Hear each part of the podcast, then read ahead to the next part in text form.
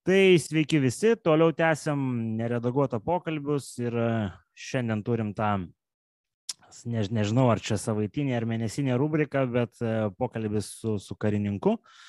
Nu ir aišku, šiandien turėsim asmenį, kuris e, pastaruoju metu matyt rašo geriausias apžvalgas apie tai, kas vyksta karių Ukrainoje visais lygmenimis. Ir aišku, kalbu apie karininką ir viešosios įstaigos tai pasakysim tikslų pavadinimą, visuomenės informacinio saugumo agentūrą, bendra įkūrėja Aurimą Navį. Tai sveiki, Aurimai. Sveiki, ačiū už tiek daug gražių pasakymų. Na, jeigu bent dalis iš to yra tiesa, tai gerai. Nu, mes matom e, šitągi suportą, kuris eina iš, iš šitų skaitytojų e, ir, ir, ir galima daryti tam tikras e, išvadas ir galų gale pačio sėkimas Facebook'e auga kaip ant mėlių, tai, tai, tai mes va taip pat ir komentuojam. Gerai, tai aišku, pakalbėsim ne apie tokius linksmus dalykus, kada nors gal padarysime epizodą, e, kaip, kaip daryti podcastą, nes, žodžiu. Gerai, būtų įdomu. Jo, jo, galėsim, galėsim, kada, kai bus ramesni laikai. E, tvarkoj, tai jo, aišku, apšnekėsim tai, kas vyksta tiek Ukrainoje, tiek, tiek Europoje, tiek e, civilizuotam pasaulyje ir necivilizuotam. Tai pradėkim gal nuo to. E, artėja Madrido, Madrido samitas. E, ko mes galim tikėtis iš jo tiek Lietuvos atžvilgių po visų šitų įvykių, kurie čia buvo ir, nu, tokių, sakykime, pavadinkim, skandalų ar nesusipratimų, net nežinau, pats matyt patikslinsit. Uh, E, ir Lietuvoje, ir Estijoje, ir, ir ko gali tikėtis su ukrainiečiai. Jo, iš tiesų prasidėjo šiandieną beros Madride jau, jau tas taip vadinamasis samitas arba viršūnių susitikimas, jeigu lietuviškai. Mm, ir žinoma, kad e, Baltijos šalis turėtų a, tikrai daug tikėtis iš jo, ta prasme, kad a, vis dėlto alijanso atėjo laikas a, nuspręsti, tai ar rimta grėsmė ta Rusija ar ne. Matyt, kad bent jau pareiškimas alijanso bus ir Rusija, aš labai norėčiau, kad kartu būtų ir Baltarusija, bet matyt, Baltarusija šį kartą neįvardins, tačiau Rusija matyt bus įvardinta kaip tikrai na, didžiausia grėsmė esanti valstybė alijansui. Ir galbūt netgi ne tik alijansui, bet apskritai viso pasaulio saugumo architektūrai, nes iš tiesų uh, tai, ką daro Rusija su Baltarusija, na, labai rimti pareiškimai sugriauti taiką pasaulyje ilgam laikui, man atrodo. Kitas dalykas, kas yra svarbu, tai matyti jau čia, kalbant apie mūsų šalis, būtent Lietuva, Latvija, Estija, tai yra be abejo tas jau daug kartų minėtas, voliotas ir visoks kitoks klausimas dėl brigados dislokavimo Lietuvoje. Žinoma, norėtųsi, kad ta brigada būtų dislokuota ne Vokietijoje, o tikrai Lietuvoje, tikrai Latvijoje ir tikrai Estijoje. Ar alijansas tą padarys, ar susitars dėl to, pamatysim. Manau, kad alijansas turi tikrai dabar nemažai iššūkių, galbūt šiek tiek vėliau apie juos pakalbėsime, nes yra trečias labai svarbus dalykas, kas jau yra prasisunkę iš tiesų į viešąją erdvę teko apie tai šiek tiek sužinoti anksčiau. Aš turiu galvoje, aišku, 300 tūkstančių karių dydžio NATO QRF, Quick Response Force, dar kitaip vadinamas NRF, na, bet nesvarbu, kaip jį mes pavadinsim, tai yra greitos NATO e, reagavimo pajėgos, kurių dabar mes turime apie su visais priskaičiavimais apie 40 tūkstančių pajėgumą karių. Na, iš tiesų, jis, jeigu taip tiesą pasakius, tai yra 20 tūkstančių. Tai yra tos tikrai greito, ypatingai greito reagavimo pajėgos, tas pirmas šalonas arba pirmoji jų dalis. Tai padidėjimas yra tikrai, tikrai reikšmingas, tik tai aišku, kada jisai bus, yra laiko klausimas, jeigu dėl jo susitars, tai tą padidėjimą mes turbūt matysime dar turbūt ne rytoj. Tai, bet, kaip jau sakiau, yra keletas dalykų, kurie taip pat kelia nerimą, ar pavyks vis dėlto alijansui susitarti ir ypatingai dėl būtent Baltijos regiono sustiprinimo mm, tose šalise. Tai yra ne kažkur pačiam alijansė, bet būtent šiose šalise, tai yra mūsų šalise. Dėl ko aš taip sakiau, dėl to, kad alijansas susiduria su tikrai didžiuliais iššūkiais, nekalbant apie invaziją Ukrainoje. Yra turbūt mūsų žiūrovams suprantama, kad mūsų laukia didžiulė rudenį bėda su maisto krize, su energetinė krizė, infliacija, o tai taip pat reiškia ir tai, kad žmonės, kurie neturi ką valgyti, šiuo atveju pajudės tikrai ne kažkur ieškodami maisto ir gėlo vandens savo žemynuose, turiu minį Aziją ir Afriką, bet ten, kur jo tikrai yra ir yra apstu, tai yra be abejo Europos regionas, Europos Sąjunga. Mm, ir jau šiuo atveju mes nebegalėsime jų vadinti ekonominiais migrantais, nes iš tiesų, kai žmogus nebegali gyventi, kai jam reikia kažką valgyti, kai reikia kažką gerti, jo to nėra, kai temperatūra yra 50 ir daugiau laipsnių, pavyzdžiui, Indijai, kaitros tęsiasi ta pati Italija, Ispanija 42 laipsniai atrodo jau irgi na, pasiekė tam tikrą ribą, kai turime galvoti apie klimato kaitą. Tai šitie iššūkiai vis dėlto yra tikrai strateginiai, tikrai didžiuliai, nekalbant ir apie Kinijos reikšmę.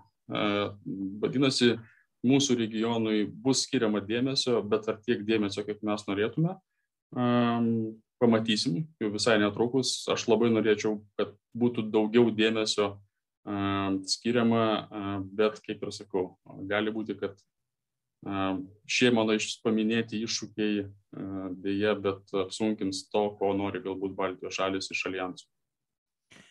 Jo, tai beklausydamas jūsų čia iš karto pasižymėjau kelis klausimus, tai pradėkim gal nuo tokio banalesnio.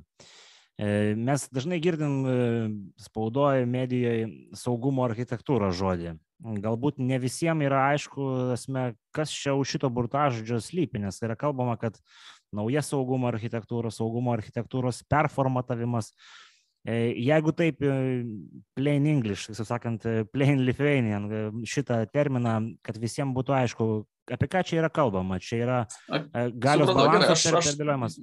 Jo, aš visiškai tada supaprastinsiu, visiškai primityviai pasakysiu. Uh, iki galbūt 90-mečio vidurio buvo mm, nusistovėjęs toks supratimas dvipolio pasaulio, ar ne vienam pasaulyje kapitalizmas, grubiai tariant, NATO su hegemonu Junktinėmis Amerikos valstybėmis ir kita pusė tai yra Rusija su savo visom satelitėm, socialiniu soclageriu ir mm, komunistinė Kinija bei Šiaurės Koreja ir kitom šalim, kurios iš esmės buvo vadinamos trečio pasaulio šalis, kurios didesnės įtakos galbūt pasaulio, pasaulyje vykstantiems procesams geopolitiniams ne, neturėjo, bet bendraja strateginė prasme.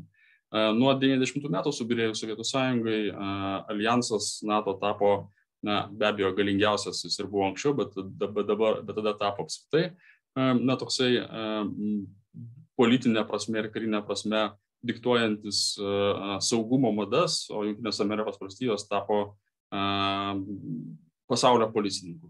Kitaip sakant, įvedinėjo tvarką ten, kur tos tvarkos tikrai trūko.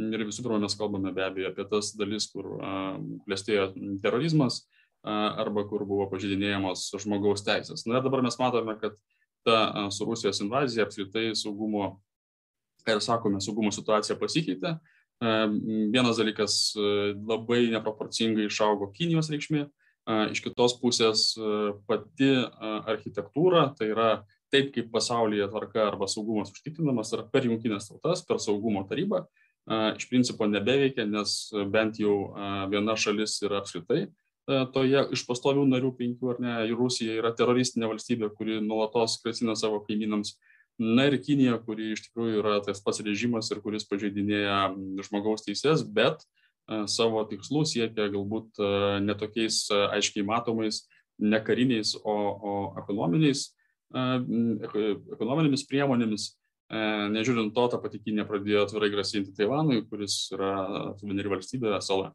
Na ir ką mes matome, kad iš esmės ta saugumo situacija pasikeitė, jungtinės tautos nebegali užtikrinti per saugumo tarybą e, sankcionuoti sakykime, kabutėse policinių veiksmų ar ne įvesti tvarkos kariniam priemonėm, jau nekalbant apie diplomatinės arba ekonominės priemonės. Ir balansas jėgų, tas dvipolis pasaulis, kuris buvo, iš principo irgi pasikeitė, nes Rusija sako, kad dabar jinai po to, kai buvo sugriuvusi Sovietų sąjunga ir jinai buvo nutamta į, į dugną kažkur, tai na, mes girdėjom tą pasisakymą ir Putino ne kartą, ne, kad jisai pakėlė Rusiją nuo kelių suklupusią, tai Rusija dabar nori būti pasaulio žaidėja ir ne tik nori, jinai sako, mes esam pasaulio žaidėja ir mes darysim tai, ką mes norim. Na ir kol kas matom, kad Rusija iš esmės ir daro tai, ką jinai nori. tai yra grasina visam pasauliui, na ir ne tik grasina, bet ir veikia, tai yra Ukraina, tai yra Sakartvelas ir kitos šalis. Ok, dabar manau visiems, kuriems galbūt kilo klausimų, aišku, tada tokie smulkesni dalykai, kuriuos dar noriu pasiteirauti e, pačio. Paminėjot greito reagavimo pajėgas. E, aišku, pats tas e, pavadinimas skamba labai neblogai, bet norisi paklausti, vat, visai neseniai čia vakar turėjom pokalbį su Lenkų kariniu geopolitiniu strategu, jis sako, kad kažkoks greitesnis atjudėjimas e, iš, iš, iš e, vakarų be nuolatinių pajėgų buvimo čia nu, yra naivus ir utopinis e, dalykas. Kaip jums, kaip profesionalui, atrodo tos greitos pajėgos, jeigu, tarkim, iškiltų grėsmė, kokie yra ten apimtis, kurias galima permesti ir, ir, ir laiko trukmės, nes nu, girdėjom ir Estijos išstojimą apie gynybos planus, tai matyti yra pakankamai opi problema ne tik Lietuvoje, bet ir, ir, ir, ir kitose tose paribio valstybėse. E, dėl Estijos premjerės pareiškimo aš tik tai pasakysiu, kad e, reikėtų į tai žiūrėti kaip į strateginę komunikaciją. Aš manau, kad jinai buvo vykusi.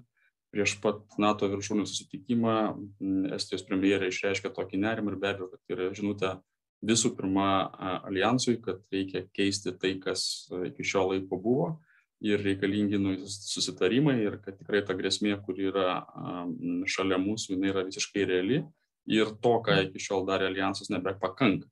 Tikrai nenorėčiau kitaip vertinti šios premjerės, Estijos premjerės žinutės, nes tikrai su tikrais gynybos planais ir taip kaip na, alijansas veik ir buvo pasirengęs veikti iki šio laiko, tai nelabai turi ką bendro.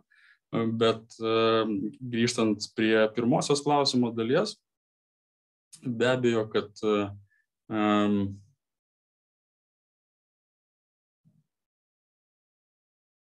apie ką buvo klausimas? Apie tai, kaip spėriai mes galėtume permesti. Spėriai, taip. Jo, jo, jo. jo, jo.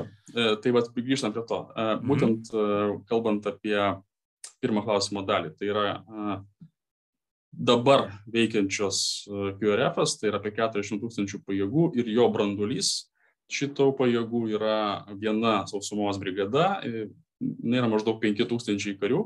Dabar šiuo metu šie kariai gali būti dislokuoti maždaug per 24-72 valandas. Tai yra toks greitis.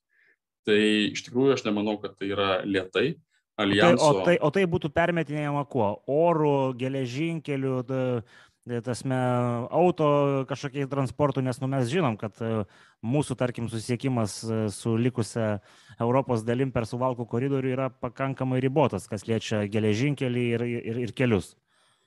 Ne, bet kol yra taikos metas, kodėlgi nepasinaudojus geležinkeliu arba keliu, tai galima ir tuo, ir tuo. Iš tikrųjų, jeigu kalbant apie mūsų šalis, šitos pajėgos taikos metu, kol dar neprasidėjo aktyvūs karo veiksmai, matyt, vyktų keliais būdais, tikrai ne vienu. Manyčiau, kad visais trim ir jūrų, ir oro, ir geležinkelių, ta prasme, sausuma, nes tikrai ne, neišnaudojamas tik tai vienas kelias.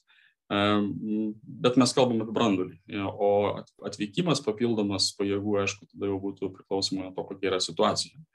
Mm, e, dėl to yra labai svarbu suprasti, kad e, padidėjimas to skaičiaus iki 3, kurį greičiausiai alijansas mm, sutars, iki 300 tūkstančių, matyt, e, vėlgi ten bus kalbama ir apie to ypatingai greito reagavimo, na, vadinamo task force. Ten, aiškiai, toks yra pavadinimas Very High Readiness Joint Task Force arba Very High Readiness Task Force, paprasčiau vadinant Na tai, žodžiu, e, matyt, jis sieks apie 15, aš spėčiau, 15-20 tūkstančius, galėtų būti apie 3-4 e, brigadas, galbūt diviziją. Tai be abejo, kad tada reikia galvoti ir apie tai, kaip jinai būtų permetama, nes jeigu mes kalbame apie 24-72 valandas, tai vienareikšmiškai atsakymas yra, kad naudojamos visos trys, visi trys keliai ir oro, ir jūros, ir sausumos. Aišku, jūros priklausomai nuo to, ar galima tą padaryti, galbūt tai nėra galima padaryti.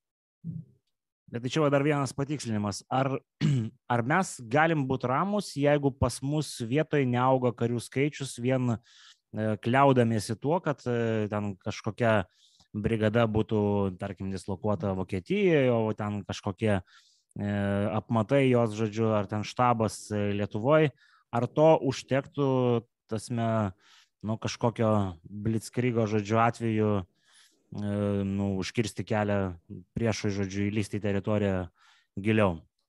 Na, tai čia dėl to, ir taip aš tokia atsargiai minėjau Estijos premjerės pasisakymą dėl to, kad reikia suprasti keletą dalykų, bet vienas yra labai svarbus, tai yra žvalgybinė informacija.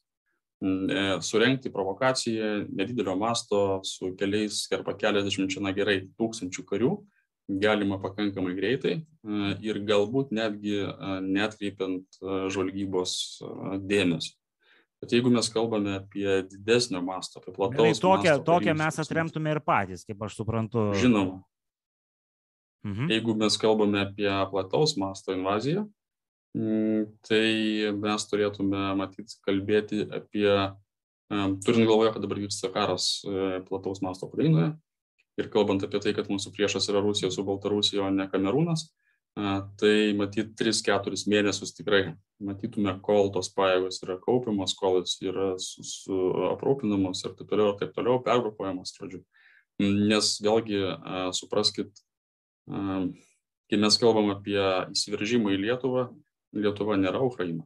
Lietuva, primityviai pasakysiu, nuvalkė, tai neturi strateginio gylio. Kitaip sakant, tam, kad rusai galėtų arba baltarusiai išskleisti savo pajėgas, nes pirmą reikia atvežti ešalonais, tada po truputį skleisti, o teritorija yra labai ribota. Bet jūsų, jūsų kolegos, e, tarkim, karininkai, kiti sako, kad, nu, kai mes kalbam, kad neturi teritorinio gylio, iš karto paminė frazę, kad jūs pasididinkit žemėlapį ir pasižiūrėkit, ar NATO neturi teritorinio gylio. Tai taip neva supras, kad, nu, gylio mes turim, bet, tarkim, jis nebūtinai yra Lietuva. Bet tai čia ir labai svarbus dalykas, nes kai mes kalbam apie Lietuvos gynimą, tai mes kalbam apie savo šalį, apie savo teritoriją. Net jeigu mes paimame visas tris Baltijos valstybės - Lietuvą, Latviją, Estiją, nu, neturime to teritorinio gilio. Mes esame įrėminti iš vienos pusės Rusija, Baltarusija, iš kitos pusės yra Baltijos jūra. Tai mes galime kaip norime kalbėti apie savo strateginį NATO gilį, kas yra tiesa, bet kai kalbame apie trijų valstybių na, gilį, tai jo tiesiog nėra. Tai vadinasi, nėra kur čia išsisukti Rusijos didelėm pajėgom. Ir tai mums yra į naudą beje. Čia yra labai gerai, tai nėra blogai, tai yra gerai. Dėl to kad rusija neturėtų su savo jeigu dideliais pajėgumais taip kaip jie sako užspausti šalį kaip lietuvą per ten dvidešimt dvidešimt keturias valandas nu tai tam reikia žvėriškų pajėgumų. Kaip tu juos išskleisi? Vadinasi reikia judėti o pakankamai nedideliais pajėgumais o mes nedidelius pajėgumus naikinsime turime tam tikrai pasiruošę priemonės, mūsų kariuomenė tikrai gerai parengta. Beje, mėly žiūrovai, visai praeitą savaitę, savaitgalį praėjau, tikrai yra daug pelkių, galima daug biologiškai sudėti, nekenkiant gamtai. Matėm, mm, matėm priešo. jūsų, jūsų postus. Va, tai viskas tvarkoja, reiškia, nereikės mobilių krematoriumų. Tai toks palengvinimas mūsų priešų. Aš aišku, juokauju sarkastiškai ir žiauriai, bet turiu menį, kad iš tikrųjų Lietuvos iš vienos pusės, kai mes kalbame apie Lietuvos apginamumą, na tai man toks susidaro vaizdas kad mes labai mėgstame pakartoti tam tikrus naratyvus kuriuos dėlioja kremliuje ir kai mes jau kalbame iš tiesų apie tą patį strateginį gylį aljansą ir taip toliau tada mes jau kalbame apie tai kad aljansas ginasi aljansas e, puola aljanso yra karinės operacijos. Ir be abejo kad problemos yra ne lietuvai ne aljansui problemos yra rusijai kaip apginti kaliningradą dėl to, kad galvos skausmas Kaliningradui ir Rusijai šiuo metu yra ta pati Lenkija, kurios pajėgos yra visai netoli Kaliningrado sienos. Tai mes turime irgi tą patį suprasti, tą patį Baltijos jūrą, kur NATO taip pat blokuotų. Ir iš tikrųjų, tu pasme, na, aš nebejoju, kad Rusijos režimas, Rusijos kariai karo vadai tą tikrai labai rimtai vertina ir platesnių, platesnių veiksmų kol kas tiesiog neturi galimybių pradėti. Čia tiesiog, na, net jeigu ir tai būtų nelogiškas, neracionalus, neprotingas žingsnis Rusijos tiesiog dabar pult, na tai jis pasibaigtų visišką nesėkmę, fiasko. Tai čia reiktų suprasti, nes girdim, kad, tarkim, iš karaliaučiaus yra išvestos Rusijos pajėgos į, į Ukrainą, tai jie tenais neturi pajėgumo, kuris šiuo metu galėtų atlikti tą kažkokią platesnę operaciją. Iš karaliaučiaus į Lietuvą. Nu, esmė iš karaliaučiaus yra išvestos į Ukrainą pajėgos, dėl to šiuo metu tenais nėra pakankamai pėstininkų, kad jie mums grasintų. Ant jau tokia, tokias kalbos eina. optimizmas yra gerai. Aš trumpą tokį tai epizodą pasakysiu iš tų visų dalykų, kas man atrodo yra svarbu. Tai taip, daug pajėgų Rusija sudėjo Ukrainoje, bet mes turėtume kalbėti apie centrinį ir pietų apygardą. Galbūt iš dalies rytų apygardą. Vakarinė apygarda arba vakarų apygarda, karinė Rusijos yra beveik nepaliesta. Nes niekas nepasikeitė Rusijos, čia mūsų doktrinose pasikeitė, arba NATO alijansų, taip ir greičiausiai pasikeis. Rusijos pusėje niekas nepasikeitė, vakarai ir alijansas yra didžiausia grėsmė. Ir Rusija laiko čia savo tas. Tai kur čia Pskovė laiko, ar, ar kur čia tos yra? Per visą, nebūtent ir Pskovas, ir Smolenskas, ir ten tie visi didesni jų miestai, ir Maskva, ir Peterburgas. Ir tame tarpe Kaliningradas. Kaliningradė taip pat yra tų pačių pajėgų. Taip pat noriu atkreipti dėmesį, kad Baltarusija yra pakankamai Rusijos pajėgų. Tik tai aš kalbu, kad mes turime pakankamai, žvalgy, pakankamai žvalgybinius pajėgumus numatyti iš anksto didesnį su, sukoncentravimą pajėgų, kuris jau galėtų būti vertinamas kaip pasirengimas didesnio, platesnio masto operacijai Baltijos šalise ir arba Lenkijoje. Vis dėlto aš net mečiau, kad taip pat būtų bandoma kažkokius veiksmus, na, kitaip labai sunku įsivaizduoti, kaip tik tai, tik tai Lietuva, o, o Lenkija yra paliekama, jeigu mes kalbame apie Slovakų kaip yra paliekama Lenkija nuo šalyje, nes be abejo tada turi galvoti, kaip ir atkirsti pajėgas, kurios taip pat ateitų į pagalbą, nes jos ten yra. Aš kalbu apie, apie, apie mūsų sąjungininkus Lenkus. Jo, tai Lenkai čia yra irgi atskiras įdomus klausimas ir gal paklausim taip ne visai tokį paklausim klausimo ne visai politkorektiško, kuris dažniausiai yra vengiamas arba kalbama pusė lūpų. Mes turim vokiečius e, pas save kaip pagrindinį NATO žodžio atstovą, jei patikslinsit, kaip ten tiksliai vadinasi, žodžiu jų statusas, o ar negeriau būtų... NATO pajėgos. Jo, priešakinės NATO pajėgos. O mum ar nebūtų kažkaip tai geopolitiškai prasmingiau pradėti vesti diskusijas, galbūt tas pajėgas e, kažkaip tai Lenkija galbūt galėtų mūsų būti tą, tą funkciją atliekantis, e, žodžiu, partneris, nes nu, interesai e, Vokietijos ir Lenkijos, aš turiu minį geopolitiniai, yra šiek tiek kitokie ir, mm, kaip pat irgi kalbėjom vakar su think tanko įkūrėjų, Jacek Bartošek, kad nu, mes biški expendables esam Baltijos valstybės. Ar pačiam netrodo, kad čia yra tam tikra problema, apie kurią mes e, tam prezidentinių, vyriausybinių lygmenių nekalbam, nes nu, negalim sugadinti santykių su, su, su Vokietija? Aš manau, kad yra pakankamai protinga įtraukti kitas šalis, e, kurios, ne, kurios nėra Lenkija. Lenkija ir taip yra mūsų sąjungininkas. Artimiausias pagrindinis yra tikrai mums ateis į pagalbą ir nėra jokių dėl to abejonių. Nes jie net, net jeigu jie nenorėtų, jie neturi kito pasirinkimo, bet jie nori, patikėkit man. Um, įtraukti kitas šalis, kurios uh, šiek tiek dvėjoja, arba tos, kurios yra toliau, manau, yra išmintinga. Ypatingai kalbant, pavyzdžiui, dar kokį, jeigu mes įtrauktume Prancūziją arba Italiją, Ir a, iš tiesų mes tada turėtume, mes ir turime iš dalies, ta prasme, vokiečių vadovavimas kontingentas yra jungtinis, belgai ir olandai, ten keičia vienas kitą. Tai, a, tai yra labai gerai, dėl to, kad mes turime ir kitas NATO narės, kurios būtų neišvengiamai įtrauktos, nedaug dievė kažkokie veiksmai prasideda, būtent į a, rytų fronto gynybą alijanso.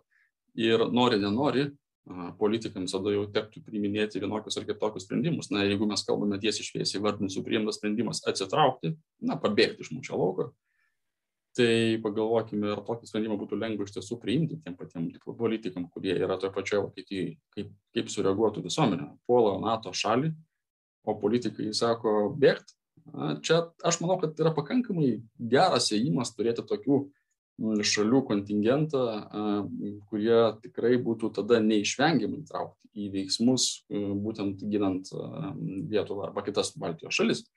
Be abejo, kad mūsų ištikimi sąjungininkai, amerikiečiai, čia turėtų būti vien dėl to, kad jie turi turbūt, čia niekam nepaslaptis, to, ko mums labiausiai reikia, aš dar nesuprantu, kodėl mes dar neturim to, bet Patriot sistemas, ta prasme, tai aš kalbu apie ilgojo nuotolio prieš raketinę, prieš lietuvinę gynybą, kuri tikrai yra Lietuvai, ne tik Lietuvai, apskritai ir Lenkija, ir nu, tai Lenkija galbūt yra susitarusi, bet Lietuvai, Latvija, Estija, čia mums yra neišvengiamas ateityje, nežinau kada dar tas užtruks, bet tikrai prikinys.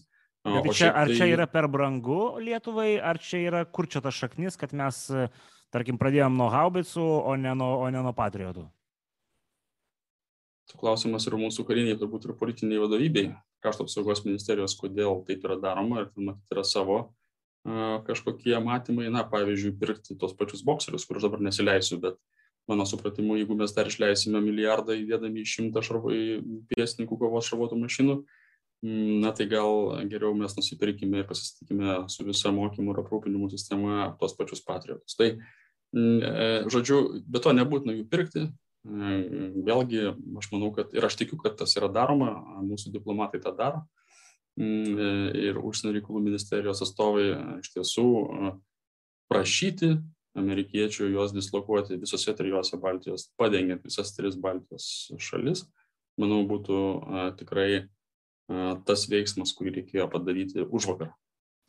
O tarp kitko, va, tos klausimas, tos Patriot baterijos, ar kaip jos ten tiksliai vadinasi, ar jų e, pačiose jungtinėse valstijose yra tiek, kad jie jas, tasme, galėtų išdėlioti ir, tarkim, tokiuose taškuose kaip Baltijos valstybės?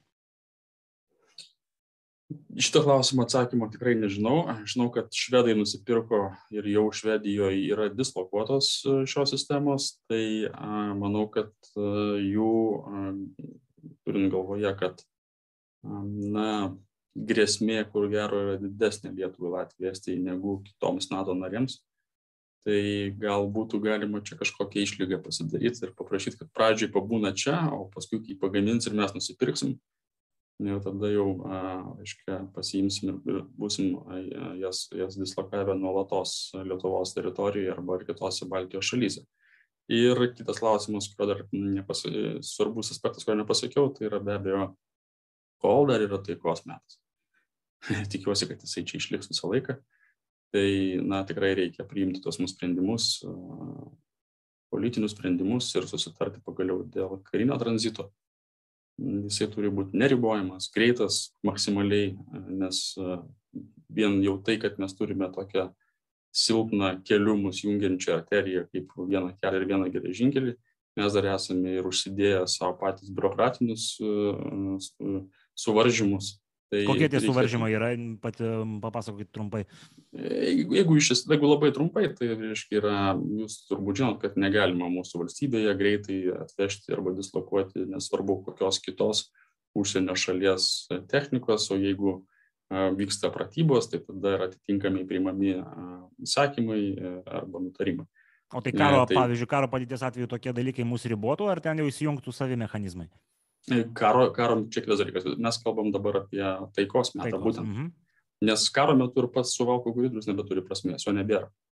Tada jau yra nuo Baltijos jūros iki Minsko koridorius. Bet taikos metu be abejo, kad tai yra būtent mes turim laikyti susitarimų, turim laikytis teisės normų ir tai yra tas koridorius, tai yra ta teritorija, kuri yra NATO. Tai vadinasi, per ją ir judės, jeigu mes kalbame apie, apie sausumos kelią, tai tikrai turėtume mes tą tranzitą karinį supaprastinti iki, iki visiško na, negalėjimo, ypač, ypač kalbant apie tų pačių orlaivių kirtimą, sraigtasparnių ar, ar, ar netgi ir naikintuvų, nesvarbu. Žodžiu, tos procedūros turėtų, mano, mano supratimu, ir taikos metu alijansė, na, alijanso narėse, taip sakant, ne, ne pačiam alijansui valstybėse supaprastintas, ypatingai kalbant apie mūsų rajoną. Tai tada dar prieš pabaigai, kai pakalbėsime apie Ukrainą, norisi dar paklausti to esminio klausimo. Rusijos, Baltarusijos grasinimai ir, ir, ir, ir gebėjimas, tarkim, atidaryti kažkokį, nežinau, platį, eskalacinį manevrą, kad jie pultų kažkokias kitas teritorijas, turime ne Ukrainoje kiek realu, nerealu ir, ir tasme, jūsų manimu, man kiek mes čia mm, apie tai viešoje erdvėje diskutuodami turėtume rimtai į tai žiūrėti? Aš manau, kad mes turime labai rimtai žiūrėti į tai, kas vyksta Baltarusijai. Mes atrodo taip kažkaip lengvai žiūrim, kad, na, gal ten viskas, kas vyksta, tai vyksta dėl to, kad Baltarusija spaudžiama yra įsiveršti į Ukrainą. Galbūt. Bet žiūrint į tai, kad čia aišku yra žinutė, reikia tą suprasti. Putinas pažadėjo perduoti Skanderio sistemas Baltarusijai, bet realiai niekas nieko neperduos, nes pirmą tai neturi, nėra kam perduoti, nėra operatorių, nėra karių, kurie mokėtų operuoti.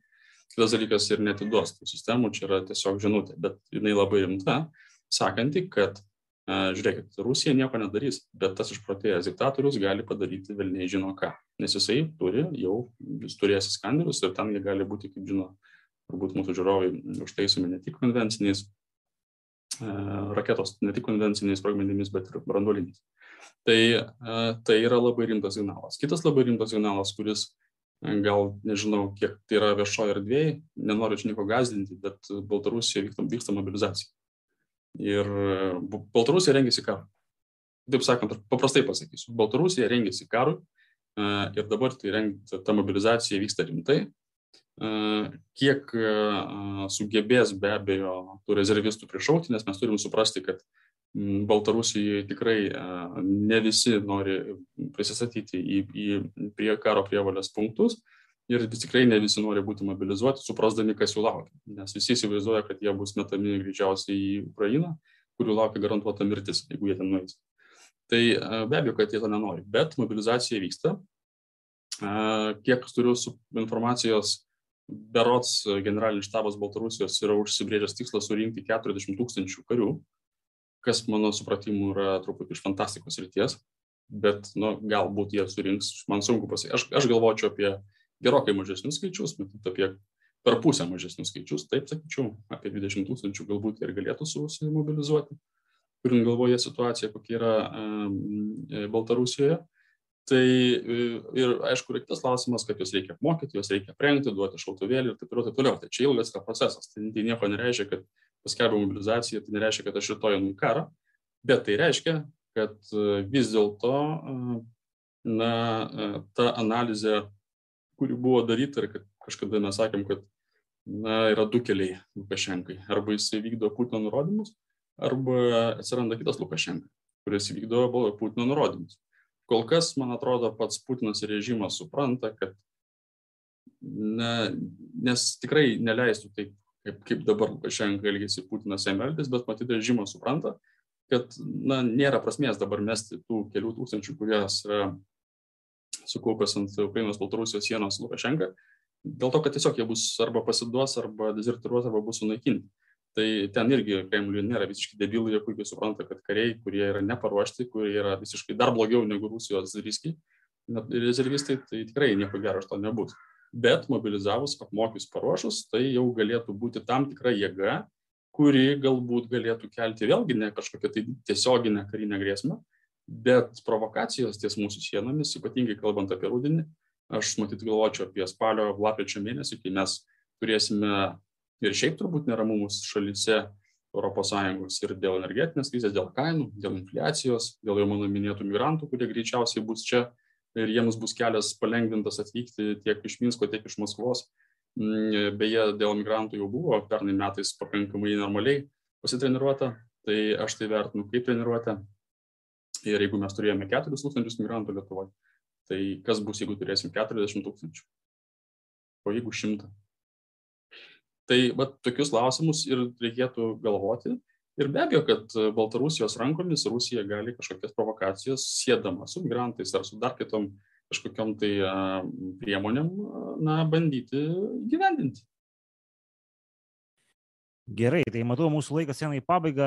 Aišku, šiek tiek turim apžvelgti ir kas vyksta Ukrainoje. Čia matyti per daug nesikartosim, nes jūsų apžvalgos tai pakankamai aiškiai kiekvieną dieną nušviečia ir visi, kurie norės pasižiūrės plačiau, Aurimas Navys, žodžiu, ir, ir ten viską pasiskaitys. Bet aš va tokią mintį noriu paklausti.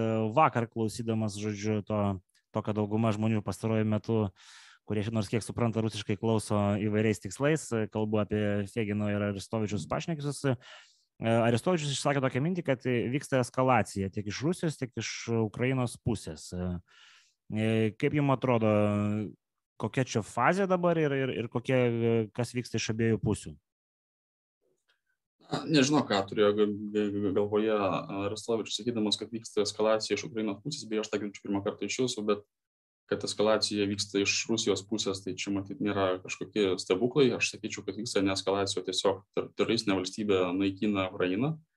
Nu, aš, kai, su, aš kai suprantu, jis turėjo meni, kad e, jie irgi vykdo tam tikras operacijas jau teritorijos atsijėmimo Hersono e, regione ir vat, tas buvo pavadinta eskalacija. Aš man atrodo, atleiskit, tai netinkamas terminas, šalis gynasi, tai kokia čia eskalacija. Tai, e, bet taip, aš tik tai gal trumpai pasakysiu, kad geri mano draugai apmokė tos žmonės, kurie yra pietuose, ir kaip mes matome, ten vyksta partizaninė kova ir jinai yra iš abiejų pusių, e, dviem, dviem kryptim, ir neginkluota, ir ginkluota. Ir tai, aišku, karas negali kelti kaip džiaugsmą, bet e, man kelia tokį pasididžiavimą, kad ukrainiečiai vis dėlto sugeba mobilizuoti savo partizaninius e, dalinius, sugeba suteikti jiems uždavinius ir jie tos uždavinius tikrai sėkmingai vykdo. Ir kas ypatingai, man atrodo, nuteikia optimistiškai, kad e, šie partizaniniai veiksmai yra suderinti su reguliarių pajėgų veiksmais.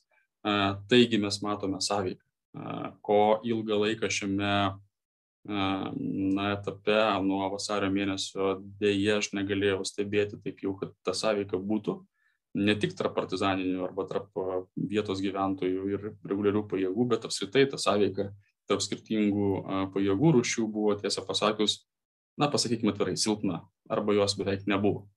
Tai dabar jinai tikrai yra žymiai pagerėjusi ir tiek ugnies koordinavimas, tiek tai, kas vyksta su aviacija, Ukrainos aviacija pakankamai sėkmingai dirba, yra naikinami priešo taikiniai, susitelkimo gyvosios jėgos vietos pozicijos, inžinieriniai tvirtinimai tiek sraigtasparnių, tiek naikintuvų ugnimi. Ir turbūt na, reikia suprasti, kodėl galima, kodėl tą galima padaryti, dėl to, kad partizan, partizaniniai junginiai arba dalinukai na, išveda iš reikiuotės prieš lietuvinę gynybą rusų. Štai kodėl. Ir tai na, duoda rezultatų. O e, šiaurėje, rytuose, šiaurės rytuose, tiksliau rytuose, dėja, bet mes matome kitą vaizdą dėl to, kad teritorijos yra, tos teritorijos, kurias Rusija okupavo, yra arba pilnai kolaboruojančios ir ten tiesiog e, negali veikti partizanai, arba jos yra tiesiog išdeginta žemė. Mes matome sugriauti ištisai miestai, kaimai, ten nėra gyventojų, ten nėra, ne tai kad partizanų, ten nėra nieko, ten šunys yra iškarti. Tai šiuo atveju mes turime situaciją, kai na, tiesiog dvi reguliarios kariuomenės kariauja viena prieš kitą ir šiuo atveju, kadangi rusų artilerija, kurie labai naudoja intensyviai šleivai kreivai, bet naudoja ir kol kas su ir M270 ir su Heimarsais ir netgi su Cezariais, ta prasme, atstumas yra, aš kalbu čia apie artilerijos vienetus, yra apie pabūklinę artileriją arba, arba raketinę. Tai iš esmės ukrainiečiai nepasiekė, pavyzdžiui, smerčių. Smerčių, smerčių raketinė sistema rusų šaudo atstumu iki 120 km, tuo tarpu ukrainiečiai, ką dabar turi, gali pasiekti 70-80 km. Tai nors be abejo, kad su artilerija, ypatingai su Malaras, gali padaryti, kur yra tikrai tiksli, gali ukrainiečiai ir daro žalą rusų, rusų bazėms, rusų sandėliams, rusų susitelkimo vietoms, bet vis dėlto Rusija bent jau šiame artilerijos kare, o jis yra tikrai labai sudėtingas ir sunkus, turi pranašumą. Tai pačiai pabaigai paklausiu dėl, dėl, dėl Hersono. Jūsų budre profesionalo akim žiūrint, ar galima tikėtis šitos teritorijos grįžimo į Ukrainos pavaldumą iki vasaros pabaigos? Labai priklauso nuo to, kaip pavyks ten partizanams dėl to, kad mes turbūt matome dabar jau, nu, tiksliau prieš kelias dienas mes matėme tai, ką ukrainiečiai ir galėjo padaryti, tai yra jų, mm, dabar galvoju, išėjo tai viešumą ar ne. Žodžiu, žvalgybos padaliniai pirmieji jau yra priemešiuose Hersoną.